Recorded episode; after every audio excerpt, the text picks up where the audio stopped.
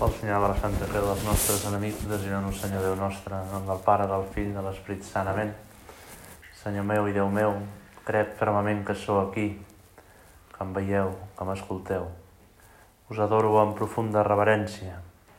Us demano perdó dels meus pecats i gràcia per fer en fruit aquesta estona d'oració. Mare meva Immaculada, Sant Josep, Pare i Senyor meu, àngel de la meva guarda, intercediu per mi.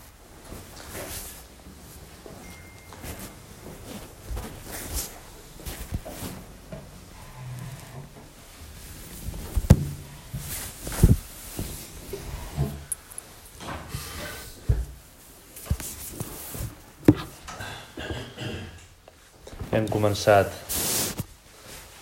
l'any, hem tornat al temps ordinari, hem contemplat el baptisme de Jesús, el començament de la seva vida pública, després de 30 anys treballant silenciosament a Nazaret, ara Jesús es dona a conèixer i comença a predicar i fer miracles. El primer pas, les noces de Canà, i després comença la predicació, l'Evangeli del Regne. Quan varen arrestar Joan Baptista, Jesús se'n va anar a Galilea a proclamar l'Evangeli del Regne de Déu. Deia, s'ha complert el temps, el Regne de Déu és a prop. Convertiu-vos i creieu en la bona nova. Fixeu-vos que els misteris que se'ns proposa contemplar en el Sant Rosari, el baptisme de Jesús és un misteri puntual d'un moment. Les noces de Canà també és un moment, encara que van durar una setmana. Però la predicació del regne, l'evangeli del regne, és hi ha tota la vida pública de Jesús. És tota la vida. Amb aquestes paraules descriu Sant Marc evangelista el començament de la vida pública de Jesús. Al mateix temps ressalta el principal contingut d'aquest missatge. Convertiu-vos i creieu en la bona nova. Aquest tercer diumenge del temps de durant l'any, aquest és el missatge principal. Ha arribat Jesús, converteix-te per acollir Jesús. Notes que has de tenir més presència a Déu, converteix-te per deixar que Déu t'il·lumini del tot. Nosaltres avui ens posem davant del Senyor i escoltem aquest anunci en primera persona. Sabem que Jesús s'encarna i vol que l'evangelista escrigui aquest missatge per mi, perquè jo vull l'escolti. La predicació de l'Evangeli del Regne és per mi. Ara sóc jo el que em sento interpel·lat i em dius, Jesús, converteix-te i creieu en la bona nova. Converteix-te, em diu Jesús perquè el regne de Déu és a prop. Ens parem, però, preguntant què vol dir aquesta paraula evangeli?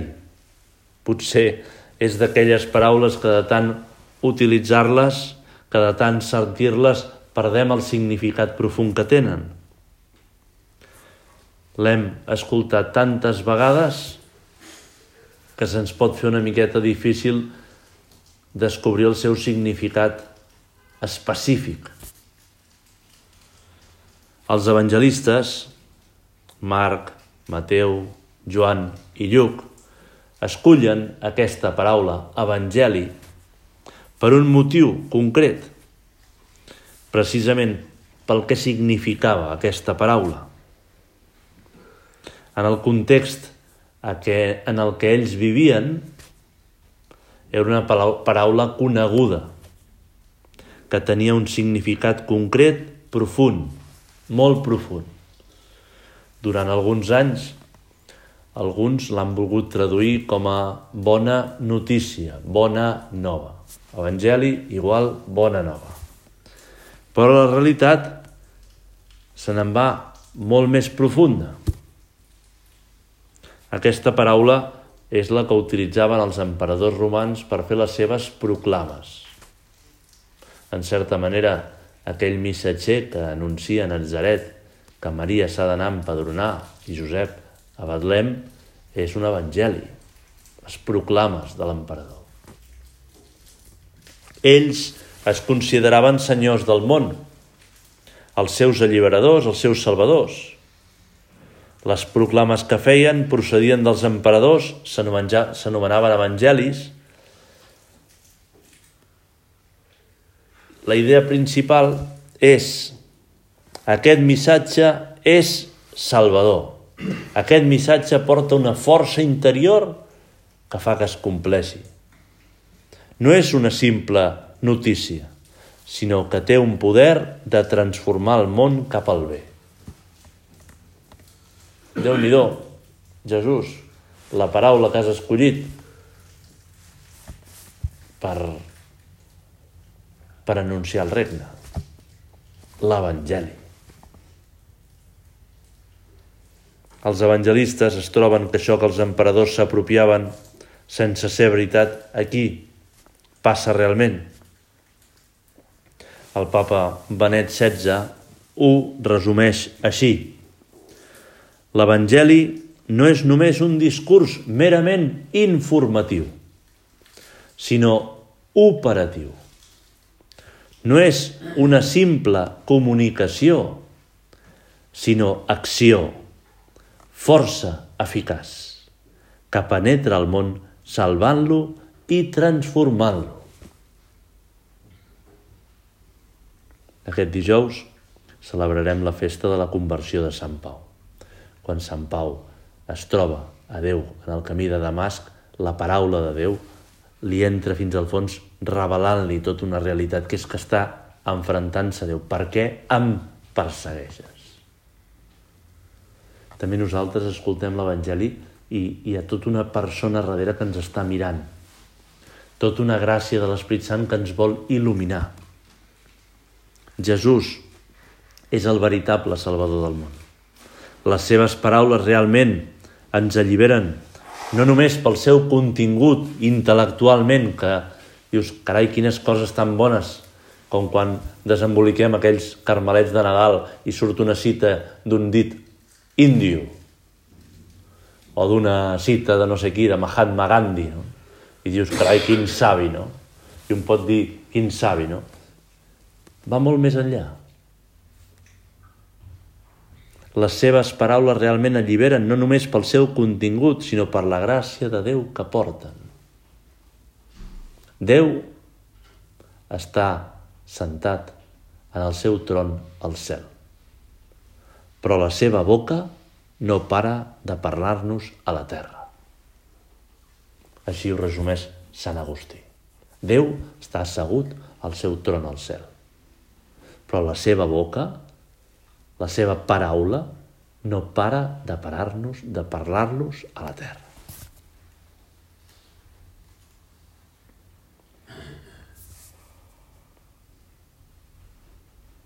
La paraula de Déu desplega la força de l'Esperit Sant.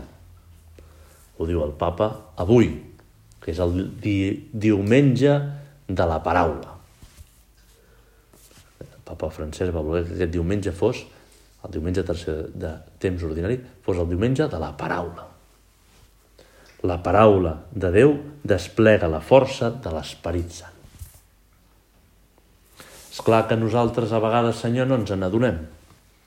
A vegades aquest món nostre cada cop més antropocèntric i superficial no se n'adona de la realitat sobrenatural, de les realitats de la gràcia. Malauradament, també ens pot passar a nosaltres, que estem tocant coses divines, estem sentint paraules transformadores i no ens n'adonem. Aquesta setmana hem celebrat la festa de Sant Antoni Abat, Sant Antoni Abat, quan tenia 19 anys, va anar a missa, va escoltar l'Evangeli i aquell Evangeli va fer que s'aixequés, se'n anés a casa, vengués totes les seves possessions i ho donés als pobres. I Sant Atanasi, que és el seu biògraf, diu com si aquelles paraules haguessin estat dirigides per ell, es va aixecar, se'n va anar, va vendre-ho tot i ho va donar als pobres. I qui va començar la seva història? Aquelles paraules anaven dirigides a ell. I tantes vegades les paraules que tu, Jesús, ens vols dir, que tu, Déu nostre, ens vols dir, ens les dius a través de l'Evangeli. Il·lumines l'Evangeli.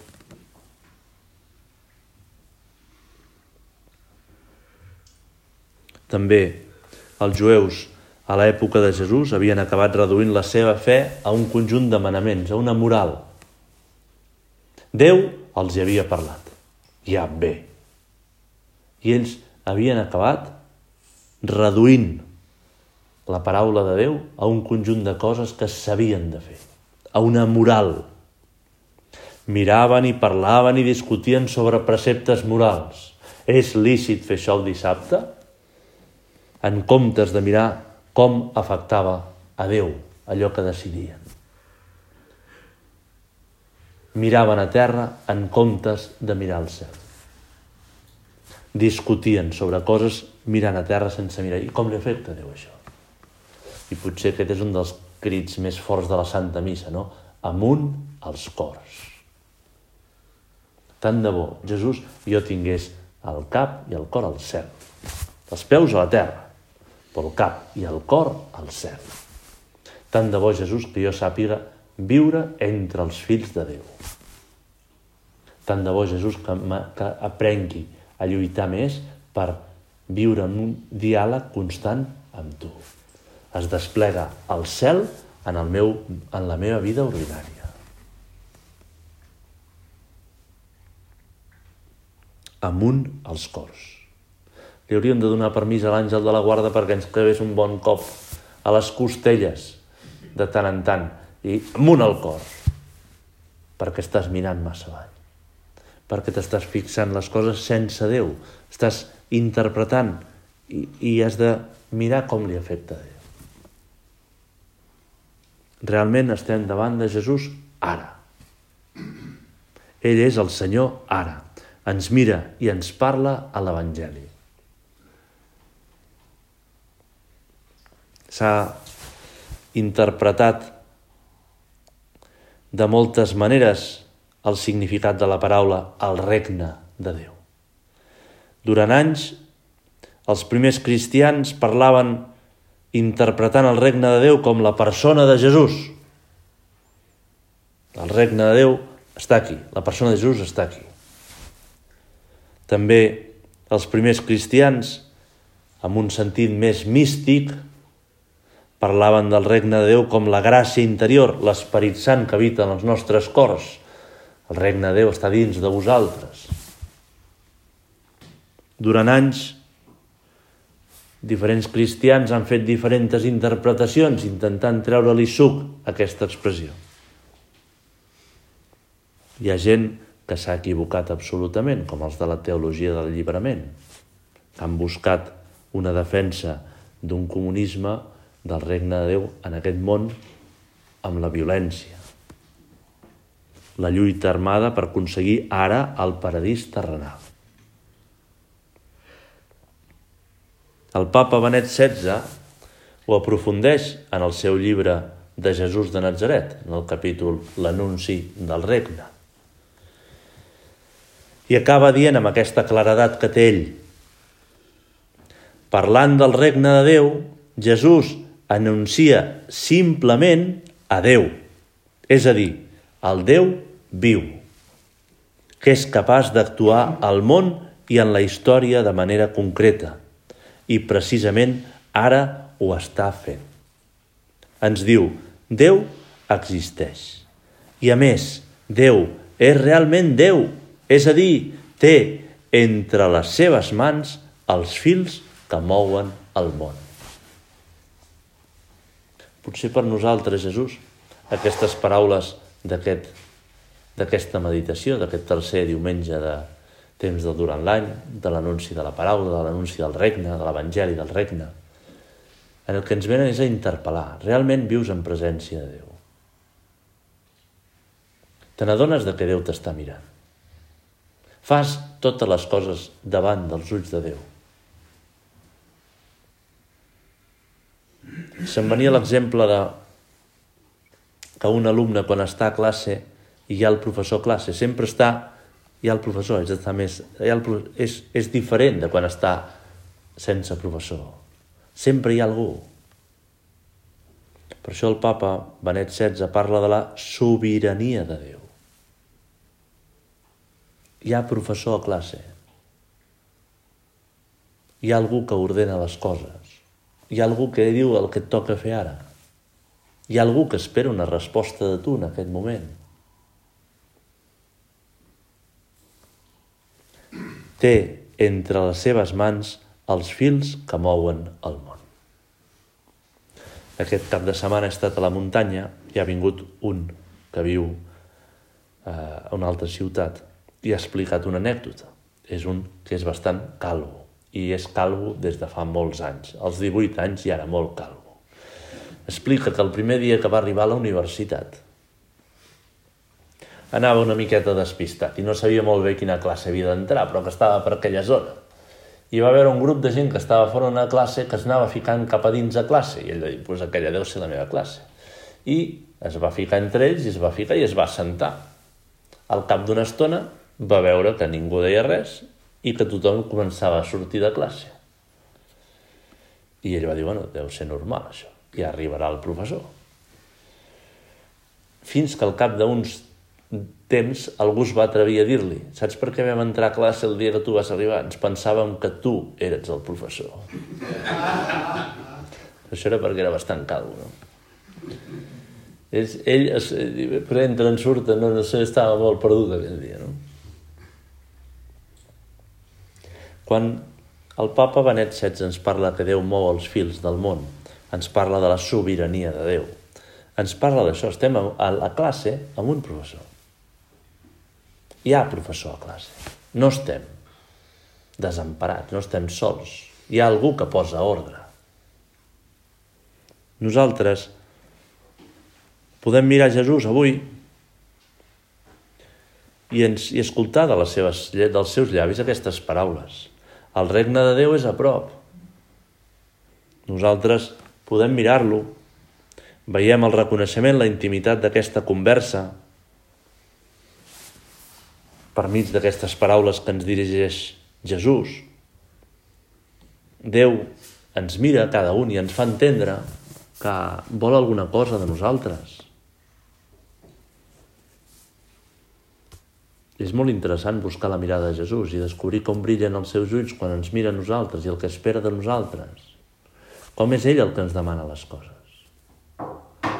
A vegades és interessant aquesta pregunta. Què és el que Déu t'està demanant? Què és el que Déu t'està dient? Quines, quines coses et posa Déu davant? Quines saps descobrir les pedretes blanques de Hansel i Gretel, les migajes de pa, les engrunes de pa que et va deixant?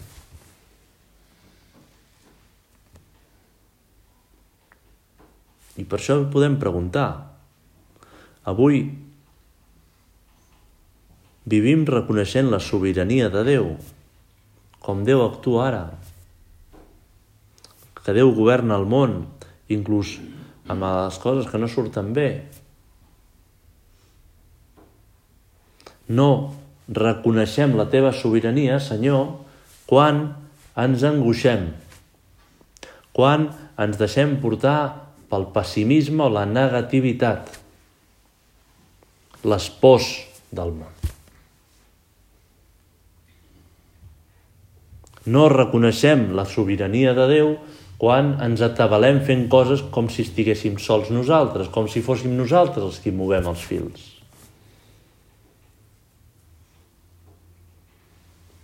Contemplant aquest episodi, escoltant a Jesús que anuncia el regne, diu el nostre Pare, Crist ha de regnar abans que res en la nostra ànima. Perquè ell regni en mi, em cal la seva gràcia abundosa. Només així, fins i tot l'últim batec, l'últim alè, la mirada menys intensa, el mot més corrent, la sensació més elemental, es traduiran en un Osana al meu Crist Rei.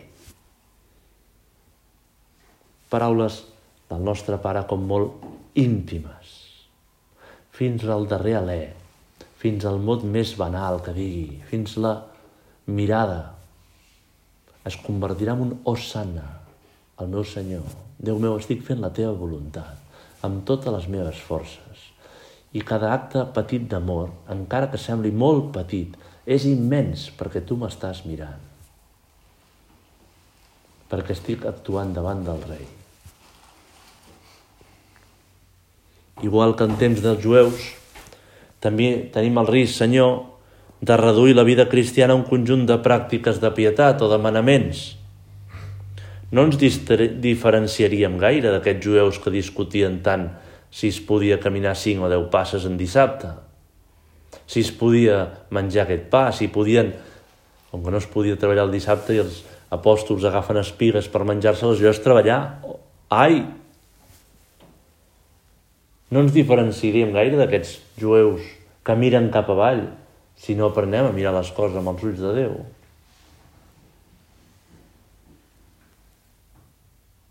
I ara que comencem l'any, ens mira Jesús i ens diu, escoltes la veu de Déu. El deixa regnar, Crist ha de regnar abans que res en la nostra ànima. El deixa regnar. Reconeixes com a sobirà. Això té moltes implicacions. Jo crec que la principal és el sentit profund de la filiació divina. No som una baldufa que va pel món girant. Saber-nos fills de Déu en tots els moments, en totes les coses que fem. Ho diu el papa Benet, no? Déu té en les seves mans els fils que dominen el món, com les titelles, que movent un fil estires cap amunt, cap a l'altre, aixeca la mà, aixeca l'altra mà, els fils que dominen el món. Estires un fil i aixeca el nas, arrofa el nas. Hi ha vegades aquest fil que s'encalla una miqueta i queda amb el nas arrufat. Perquè ens enfadem molt, aleshores. És fàcil caure amb la supèrbia. Només així, quan vivim aquest sentit profund, fins i tot l'últim batec L'últim alè, la mirada menys intensa, el mot més corrent, la sensació més elemental, es traduiran en un Osanna al meu Cris Rei.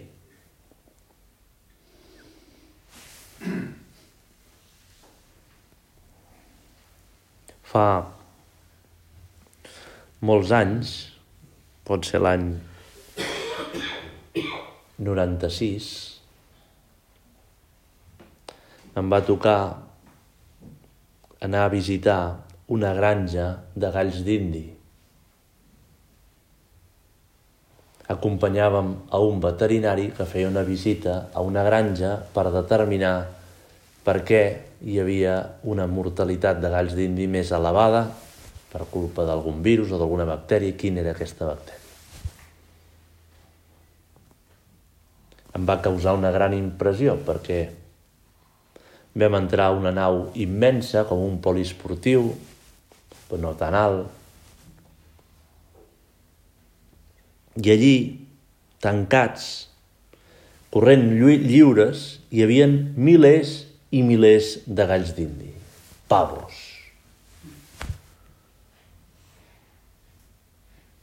Quan vam entrar, de sobte tots els, els galls d'indis van quedar com parats, tiesos, mirant-nos, alguns dissimulaven, miraven cap a una altra banda però amb els ulls girats sabent si et veien.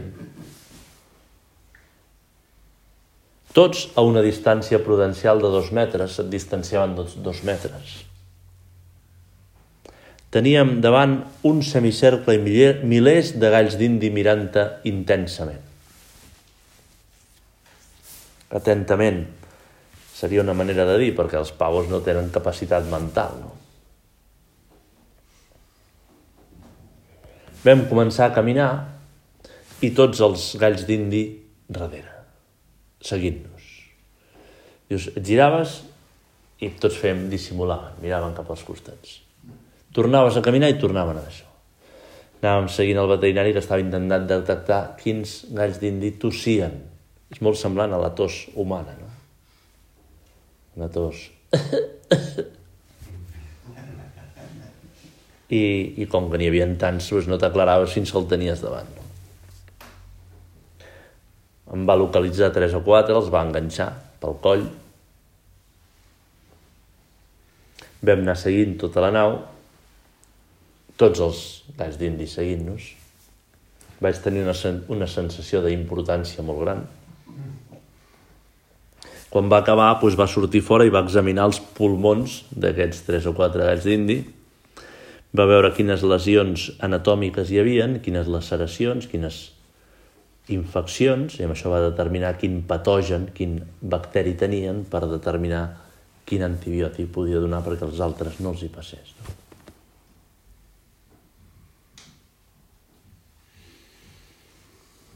I a mi em va quedar la imatge de tots aquests galls d'indi mirant intensament, però amb una mirada superficial, perquè a vegades quan vaig, vas pel món veus també, em recorda aquella immensa nau tancada, milers de persones que es deixen portar per estímuls immediats, pel que senten aquest emotivisme, que no et pensen gaire, que no tenen capacitat crítica, que no tenen temps per, per, per escoltar les paraules de Jesús. Que hi ha temps per moltes coses, però sembla que Jesús queda en el darrer moment. Que no sabem descobrir el més gran que tenim, que és la mirada carinyosa de Déu Pare. L'anunci del regne. És el gran tresor, el gran regal. És que estem, som fills de Déu, que vivim enmig del món una obra meravellosa davant dels ulls de Déu que Déu mou els fils del món, que és sobirà de la creació. Jesús és el Senyor.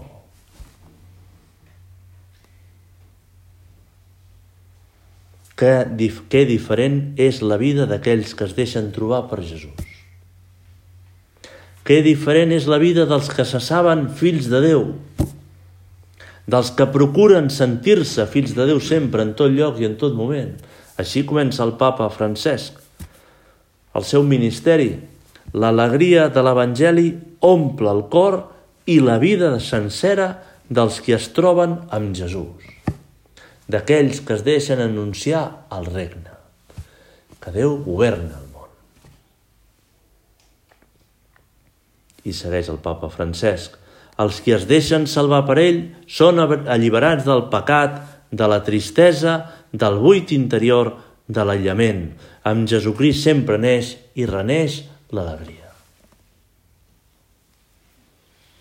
I ens parem un moment. No un moment, no, ja ens parem, perquè se'ns ha acabat el temps. Ens agafem fort de la mà de la Mare de Déu. Mare nostra, com em puc concretar aquest sentit profund de la filiació divina?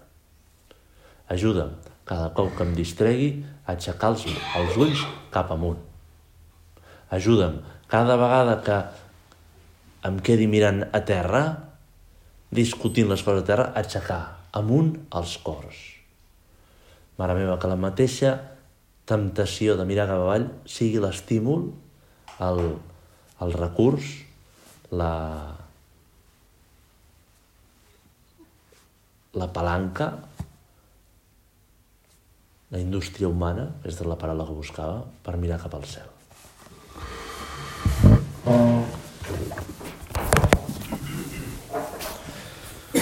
dono gràcies, Déu meu, pels bons propòsits, efectes i inspiracions que m'heu comunicat en aquesta meditació. Us demano ajuda per posar-los per obra. Mare meva Immaculada, Sant Josep, Pare i Senyor meu, àngel de la meva guarda, intercediu per mi.